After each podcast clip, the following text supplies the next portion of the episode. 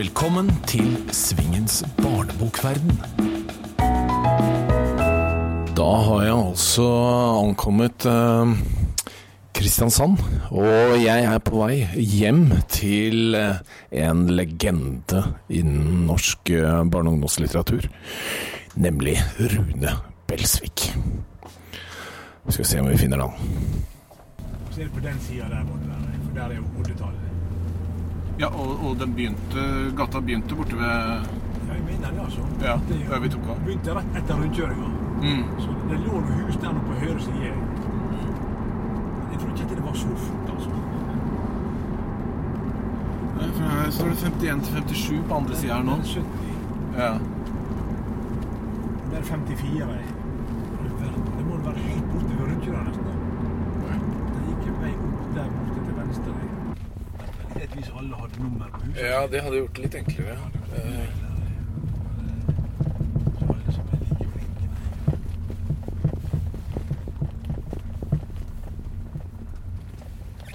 26 er den der. Ja. 26? ja, på den som er til venstre her. 26. Og du skulle til 24? Ah, her er 24, ja. Der er 24. Er det? Ja, så bra. Da har vi klart det. Hei, hei. Takk skal du ha. Kom rett fra flyplassen. Hadde, taxisjåføren hadde litt problemer med å finne huset. Ja. Så, ja. Så bra. Ja. Fint. Ja, vi kan gjøre sånn. Ja. Skal jeg lukke her? Ja. Nei, skal vi se. Det er her det holder til, ja. Ja. Ta meg på beina, jeg. Det er ikke nødvendig, det. Er det ikke? Da er vi altså hjemme hos deg, Rune Belsvik. Hei. Heia. Velkommen. Takk. Um, og da har vi tenkt å snakke litt om uh, dine bøker. Og du debuterte altså i 1979, og da var du vel ca. 23 år, stemmer ikke det? Det stemmer. Og da var det um, ungdomsromanen uh, 'Ingen drittunge lenger'. Kan du fortelle litt hvordan begynte det? Hvordan begynte du å skrive bøker for barn og ungdom? Altså, eh, jeg begynte jo som sånn diktskrivegreier hjemme i 14-årsalderen. For meg sjøl i min ensomhet. Og jeg hadde vel ikke tenkt jeg skulle kunne bli noen bøker ut av det, men så var det en eh, Aschehoug hadde en sånn konkurranse om eh, å skrive ei ungdomsbok. Eller det skulle egentlig bare skrive et lite synopsis og levere inn. Så jeg måtte finne ut hva et synopsis var for noe, og så skrev jeg et synopsis og leverte det inn. Og merkelig nok så fikk jeg en av prisene i den konkurransen der.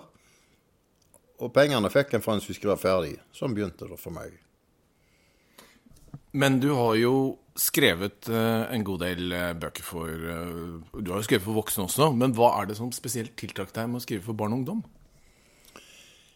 Jeg er ikke helt sikker, men mor mi sa til meg en gang at jeg tror du, Rune, ville passe til å skrive for unger, sa hun. Så da, jeg gjorde som regel sånn som mor mi sa. Men jeg vet jeg tror kanskje det har noe med at uh, når jeg var liten, så hadde jeg trodd at en gang når jeg ble stor, så skulle alt det rare, eller usikkerheten og alt, det, alt som jeg den, da var, skulle forsvinne. Men det gjorde jo aldri det. Slik at det er noe av det som står i meg nokså sterkt, altså forbindelsen til den jeg en gang var. Jeg føler at det er en forbindelse som er litt åpen. Um, du har jo da også skrevet uh, barne- og ungdomsbøker i uh, over 40 år. Er det noen spesielle karaktertrekk du vil si har forandret seg med både litteraturen og med forlagsbransjen, som du tenker spesielt på i løpet av disse årene? Ja, det første som slår meg, er vel at det er blitt mange flere som skriver for barn og unge. Og at det er en levevei for flere. Og at det er mangfoldig, altså. At kan man skrive om det man ønsker. Det er mange, det er mange karrierer, og de er forskjellige. Um, det har jo blitt eh, ja, skal vi si, litt grann bråk rundt uh, i hvert fall én av bøkene dine, kanskje flere. Uh, tenker jeg spesielt på 'Tjuven' i 2008.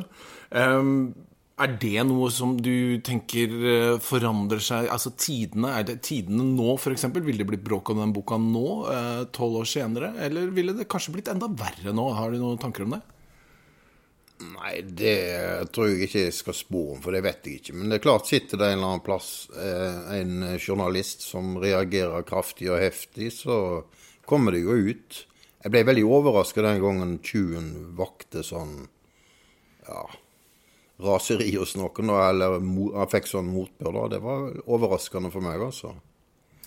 Men det handlet jo da om barn og seksualitet. Eh, hvordan taklet du på en måte det oppstyret som ble rundt den boka? Jeg ble som sagt først veldig overraska og jeg var med i en diskusjon om dette her på Dagsnytt 18, var det vel. Og prøvde å forsvare for meg så godt jeg kunne, altså. Eh, men ja, altså enkelte folk jeg møtte som sa ja, dette burde du ikke, du kanskje ikke ha skrevet om og sånn, så ja, det må folk få lov å mene, altså. Jeg nærma meg noe som hadde vært litt problematisk i mitt liv, og fant ut at jeg hadde en mulighet til å være litt oppriktig om det, og det var det jeg prøvde på. Um, tidligere, når jeg turnerte, så merket jeg en, en, forskjell på skal vi si, litt vanskelige temaer ettersom hvor jeg befant meg i landet. Og du har jo da bodd her på Sørlandet, i nærheten av Kristiansand, eller i Kristiansand, i hva du sa, 35 år. Ja. Og eh, da var det sånn at tidligere så kunne f.eks. reaksjonene på banning være sterkere på Sørlandet enn det var andre steder i landet. Jeg syns f.eks. det har forandret seg mye nå. At det er ikke sånn uh, sørlandsfenomen lenger. At disse reaksjonene kommer litt uh, uh, over hele landet, og de kommer ofte fra elevene istedenfor fra på en måte de voksne formynderne eller formidl formidlerne. Um, har du gjort deg noen tanker om reaksjoner du har fått på bøker gjennom disse 40 årene? Nei, jeg har ikke tenkt så veldig mye på akkurat på dette sånn, men jeg skrev eh, for noen ikke så veldig mange år siden ei bok der jeg tenkte nå skal jeg jeg må i en eller annen bok prøve å fortelle hvordan er det man egentlig lager barn. 'Tjuven' var, liksom, ei bok om barns seksualitet, mens den bærer søteste turist mer var litt som om voksenseksualitet. og jeg husker jeg skulle lese opp fra den boka og leste litt fra noen sånne litt intime skildringer. Da, var for en fjerde eller femte klasse. Og da husker jeg det var en god del av elevene som sa æsj, æsj.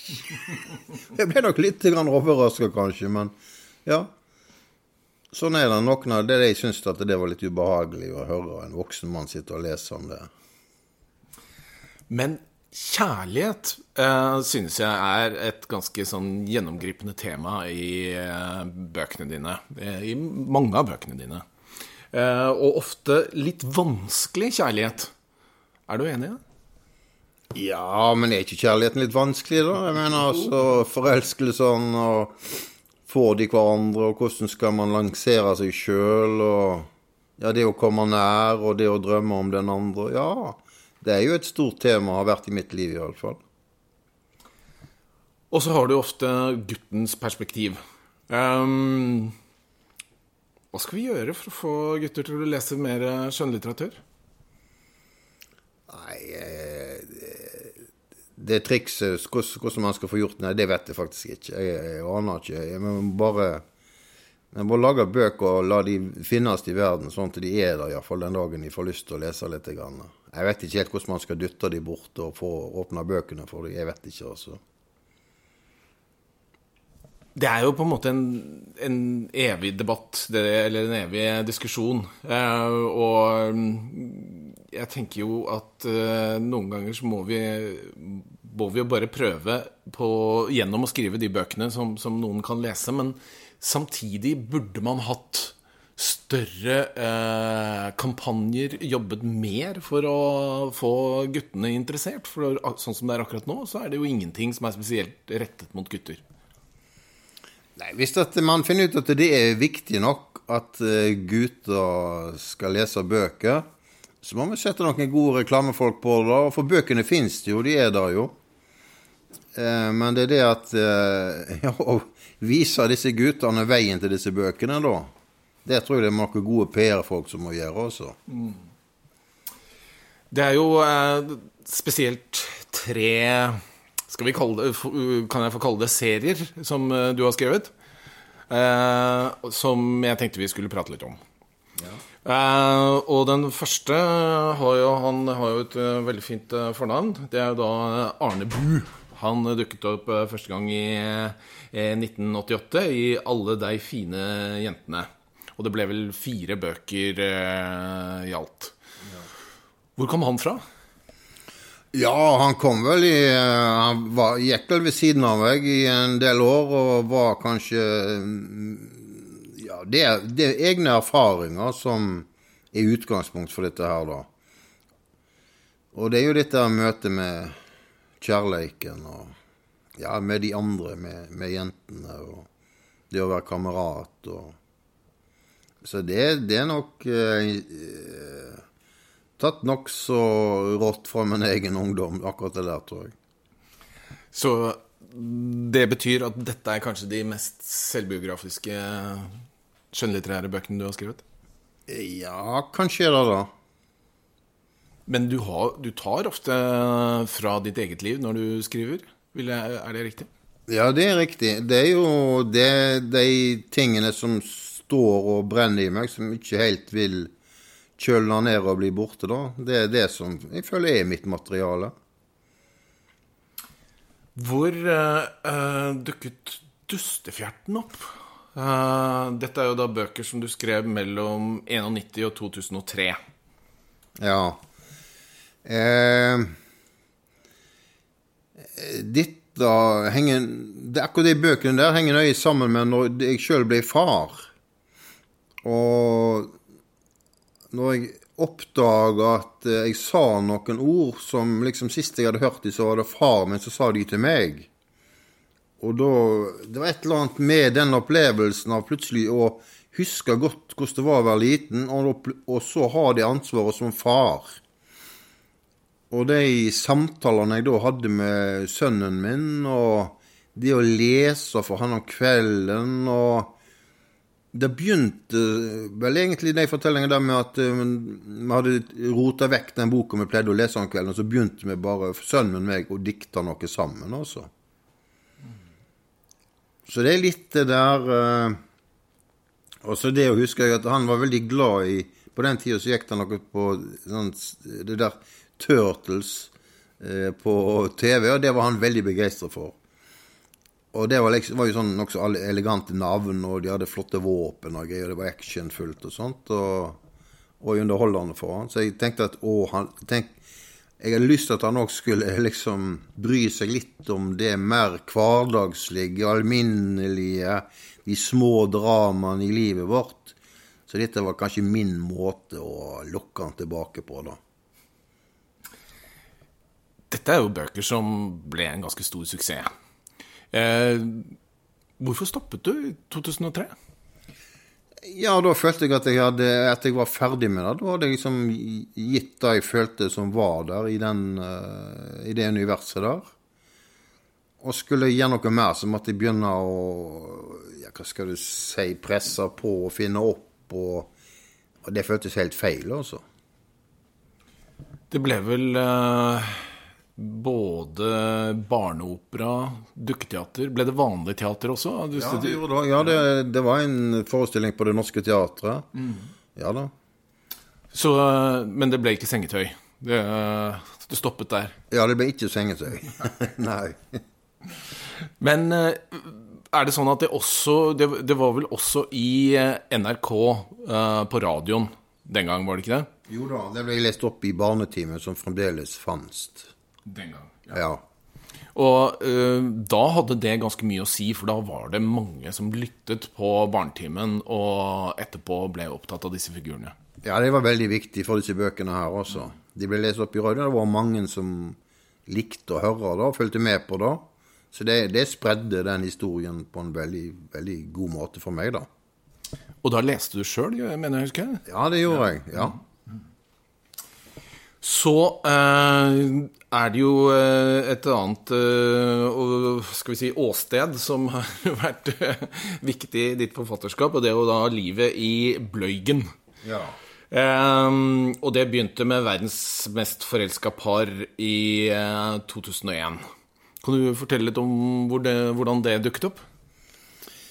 Eh, ja, det tror jeg er Det er jo tillegna dattera mi, da, som er noen år yngre enn sønnen min. Og jeg husker hun var veldig glad i Hotell Cæsar.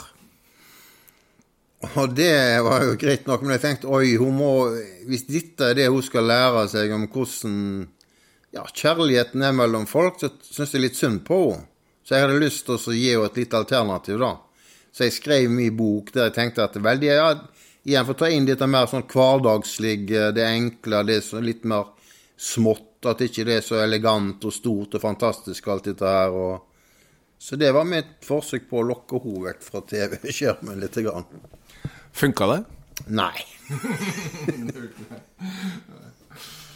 Men eh, så fikk eh, så, så ble det jo flere bøker eh, av dette òg. Er, er det noe som du da planlegger fra første bok, eller er det noe som bare skjer videre i prosessen? Altså, når jeg skrev de bøkene, den første boka om Bløygen, så tenkte jeg at det skulle bli eh, mange. For noe av det ja, tunge arbeidet med å starte en ny bok er på en måte å eh, etablere et univers.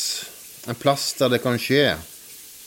Så jeg tenkte ok, nå finner jeg opp et land, og her kan jeg være i årevis. Så det var, det var planen, da. Og eh, likevel så stoppet det også der på et tidspunkt. Eller er det sånn at du da ikke har gitt det opp helt? Eh, nei, jeg hadde eh, Altså Jeg føler nok liksom når jeg skriver ei bok ferdig, så vet jeg så å si ingenting om hva som skal skje, skje seinere og videre. Så eh, Men ja, hvorfor stopper det opp? Det dukker opp andre ting. Kanskje det er noe teaterarbeid som dukker opp. og Kanskje gikk jeg litt på grunn i mitt eget språk, at det ble litt tungt, som det har vært i perioder. Jeg er ikke helt sikker, men det sa, slapp litt tak, og nå har det kanskje gått litt for mange år. Du nevnte språket ditt eh, her. Eh, det er jo mange som bruker ordet poetisk eh, rundt når de skal beskrive hvordan du skriver. Hvordan, eh, har du noen tanker om hvordan språket ditt har utviklet seg gjennom eh, disse årene?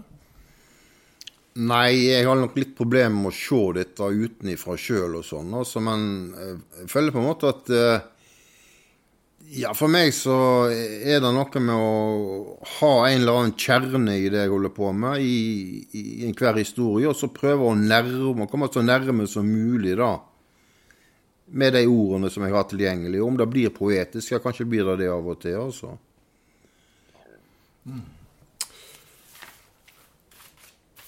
Finnes det en bok i ditt forfatterskap som har eh, betydd mer enn eh, de andre? Av og til når jeg ser meg tilbake, så er det ei bok jeg ser som jeg, jeg syns jeg er litt ekstra stolt av.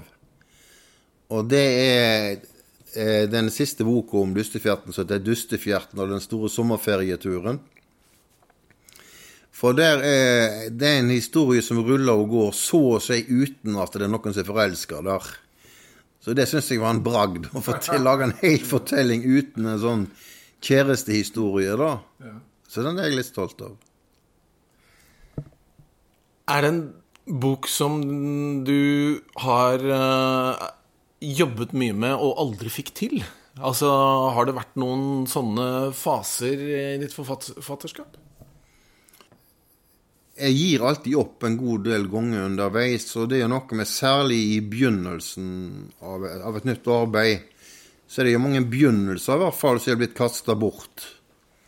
For det jeg håper på at snart skal det komme noe, dukke opp noe som gjør at jeg blir inspirert, at språket skal løsne og sånt, men mange ganger gjør det ikke det. Hva vil du si er den øh, største gleden ved å skrive bøker? Ja, det å være min egen sjef der og få anledning til å eh, Bruke det som av og til var en ulempe i annet arbeid. Så jeg, når jeg, når jeg hadde annet arbeid og kjeda meg, sånn, så drømte jeg meg av og til vekk. Og det er en veldig grei egenskap, syns jeg, i skrivinga, å kunne drømme meg vekk. Og ikke bare vekk, men òg oppholde meg med det som, ja, som, det som opptar meg, som er viktig for meg. Og ja, få lov til, rett og slett, å holde på med dette her, altså. Hva var det du jobbet som? Jeg er utdanna hjelpepleier, så jeg har jobba en del i psykiatrien og i, eh, på en sånn bolig for utviklingshemma. Men er det også ting som du syns har vært vanskelig ved det å skrive bøker? Ja, alltid, så å si alltid, tror jeg, underveis så mister jeg trua på det jeg holder på med, og føler at det er, det er for svakt, det er for ubetydelig. Eh, og det er et sånt angrep som Jeg går til angrep på meg sjøl mentalt, rett og slett, altså. Og da blir det veldig vanskelig føler meg dum, føler jeg ikke får det til, og ja, må gi opp, altså. Så du er på en måte din skarpeste kritiker selv? Ja, det er ei side i meg, og kanskje det er ei, side, ei annen side av den skrivinga som rett og slett vil jeg Som aldri blir fornøyd. Og jeg kan av og til ha noen sånne ekstreme forventninger, og det er jo det aller verste utgangspunktet også. Så det hender det at jeg har gledd meg til å jobbe med noe og, og har skrudd forventningene til topps. Og så når jeg da setter meg ned og begynner å skrive, så sier jeg at det er jo bare vanlige ord. Det er, for, det er for enkelt, det er for dumt. Det er som at jeg nesten skulle tro at jeg skulle håpe at det skulle oppstå liv på papiret, altså. Så da går, må jeg eh, rett og slett bare gi opp til slutt. Og, ja. Men det er ikke sånn at du tar det fram på et uh, senere tidspunkt og får et annet blikk på det, et annet syn på det, hvis det har gått uh, la oss si noen måneder eller et år? Jo, etter å ha opplevd dette noen ganger, så har jeg funnet ut at det er faktisk en del av min skriveprosess er det å gi opp, altså.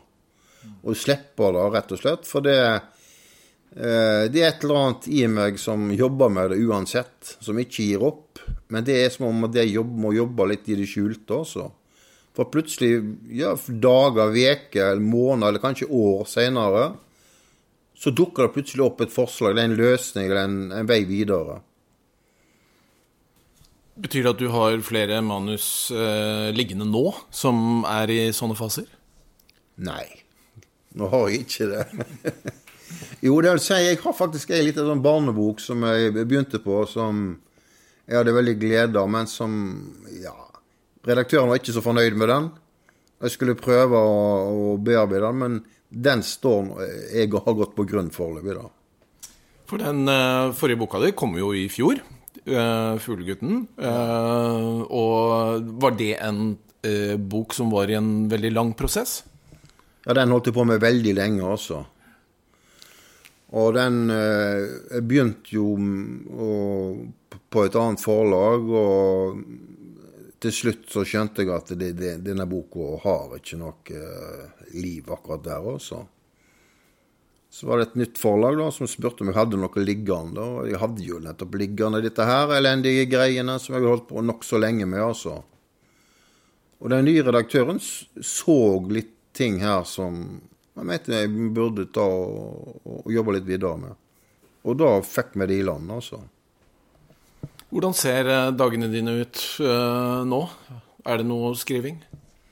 Ja, altså Nå skriver jeg eh, på et bestillingsverk for eh, Kilden teater, teater her i Kristiansand. Så det har jeg jobba med nå i ca. et år. Som handler litt om eh, ja, folk som reist, pendla til eller reiste til Amerika på 50-60-tallet. Så det, det er det jeg jobber med nå. Hvordan står det egentlig til med norsk barnedramatikk? For det har jo du holdt på litt med. Og jeg har sett uh, flere av de stykkene som er satt opp på Det Norske Teatret. Uh, men mitt inntrykk generelt er at det er litt ymse kvalitet. så føler du at du var en slags foregangsmann, nærmest, for å skrive denne type, skal vi si, litt sånn lekne barneteatre som går rett inn i eh, barnas eh, på, en måte, på barnas nivå? Nei, altså, jeg har jo hatt, jeg har hatt to stykker på Det Norske Teatret. Og begge er jo dramatisering av egne bøker. og Det har bare mer vært som en slags sånn fest. altså Å få lov til å gå inn i det samme materialet på nytt. Og gjøre det om til, til teater. Så det har bare vært en glede. og ja, jeg, eh, du har jo hatt et eh, mangslungent eh, forfatterliv, og jeg har også spurt deg om du har en liten anekdote fra, fra det livet. Har du det? Ja, altså Jeg husker den store manndomsprøven min som forfatter. Det var når jeg skulle på turné i Østerdalen. Jeg tror jeg hadde 100 oppdrag. Og halvparten før jul og resten etter jul.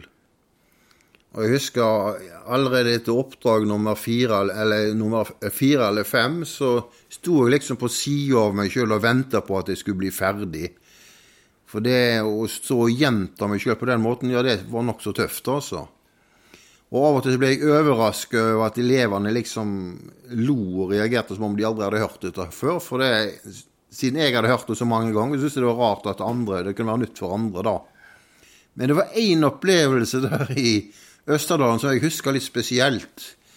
Og Jeg husker ikke akkurat hva skole det var, men jeg hadde jo vent meg til at når jeg liksom snakket om det eller det, så ville de le litt. Grann. Og når jeg spurte om de ville stille spørsmål, så, så ville det komme en god del hen de være akkurat der og der. Men i dette klasserommet her så var det helt stille. Så jeg måtte av og til gløtte opp og se om de faktisk pusta, de som satt der. Og det, de gjorde det, altså. Men de lo ikke der som jeg hadde forventa latter, og humra ikke der jeg hadde forventa humring. Og når jeg spurte om noen hadde lyst til å spørre om noe, så var det helt dødt nede i klasserommet. Men så så jeg plutselig at langt bak i, helt bakerst der, så var det ei, ei barnehånd som var på vei opp fra pulten. Men det var ikke kommet så mange centimeter over pulten før jeg så læreren rykte ut og slo den hånda ned. Og det var litt sånn Ja, hvordan de har hatt det i det klasserommet, og hva slags uh, ånd som var der. Det, jeg var glad jeg kom meg derifra. Men jeg merker jo også at uh, jeg kan være inne i et klasserom, og så er det et øyeblikk hvor du tenker at dette kommer til å slå an. For det slo jo an i de fem foregående, ja. og så er det helt, helt ja. stille. Så det har noe med klassedynamikken, og selvfølgelig, jeg tror også læreren har veldig mye å si. Ja, jeg tror iallfall det er den, den situasjonen der også, at det var nokså stram kustus. Og de hadde antagelig fått beskjed om å tie stille og være i ro. Men er det sånn at etter at du hadde, var 100 eh, dager i eh, Østerdalen, så ga du opp uh, dette turnélivet litt? Ja, jeg venta iallfall veldig lenge før jeg tok på meg noe nytt oppdrag etter det. Altså for det, da ble jeg rett og slett så lei av mine egne ord og mine egne tanker om det jeg holdt på med at det Alt holdt på liksom å gå i ball, også. Men dette var jo på 80-tallet? Er det da vi Jeg husker ikke hva eh, årstallet og tid det husker jeg ikke, men det hører iallfall til i fortida en eller annen plass. Lenge før Den kulturelle skolesekken? Ja, det var det. det, var det. Mm. Ja. Mm.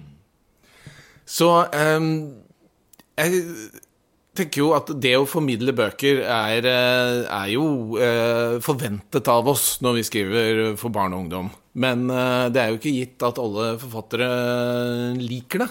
Hvordan liker du å møte lesere? Jeg husker at de første årene så syntes jeg det var en veldig stas å komme ut på en skole og snakke om mine egne bøker. Jeg følte meg veldig til kar. og ja, Det var jo fantastisk å høre at de var interessert og spurte om ting og sånt. Og Jeg tror òg det er viktig, men det er, det er, en fordel at den som uh, drar av gårde, har litt lyst, og føler at han mestrer det. Jeg ble bare mer og mer sliten når jeg kom hjem, og det, var, det ble for tungt, altså. Hvordan er det? Tar du og besøker eh, de gamle bøkene dine, på en måte? Er det sånn at du uh, titter litt i dem og tenker tilbake og leser litt og tenker at joi, her skrev jeg annerledes enn det jeg ville gjort i dag? Ja, det kan hende en sjelden gang iblant. Kanskje når jeg uh, kommer der at jeg sitter og googler meg sjøl og syns det er litt lite Rune Belsvik i verden. At jeg åpner ei bok og blar litt forsiktig. Men det er nokså sjelden også. Mm. Har du tall på hvor mange bøker det har blitt til ut? Jeg tror det er rundt, rundt 40. Mm. Ja. Eh, ble du noen gang eh, spurt, eller som, som en del eh, nynorskforfattere blir i dag, om å skrive på bokmål? Nei, men det var enkelte som spurte meg hvorfor ikke jeg gjorde det.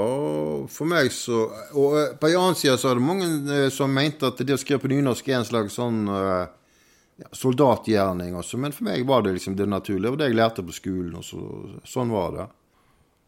Men jeg syns alltid Og det når, for eksempel når jeg er blitt intervjua av journalister òg, etterpå så føler jeg meg alltid litt sånn ødelagt. For det er liksom den veien å gå inn i bøkene. Det er en veldig sånn stillferdig handling. og Det er noe med å være, ikke vite, egentlig, men bare nærme seg med blyanten. og men det å sitte sånn liksom og prøve å ha et overblikk over mitt eget, og prøve å svare skjepelig greit på spørsmål om det jeg har gjort, det, det er liksom noe sånn hardt og litt sånn eh, Ja, nesten litt sånn galt med det, altså. Og så er det vel kanskje ikke noe du gjør så ofte eh, nå?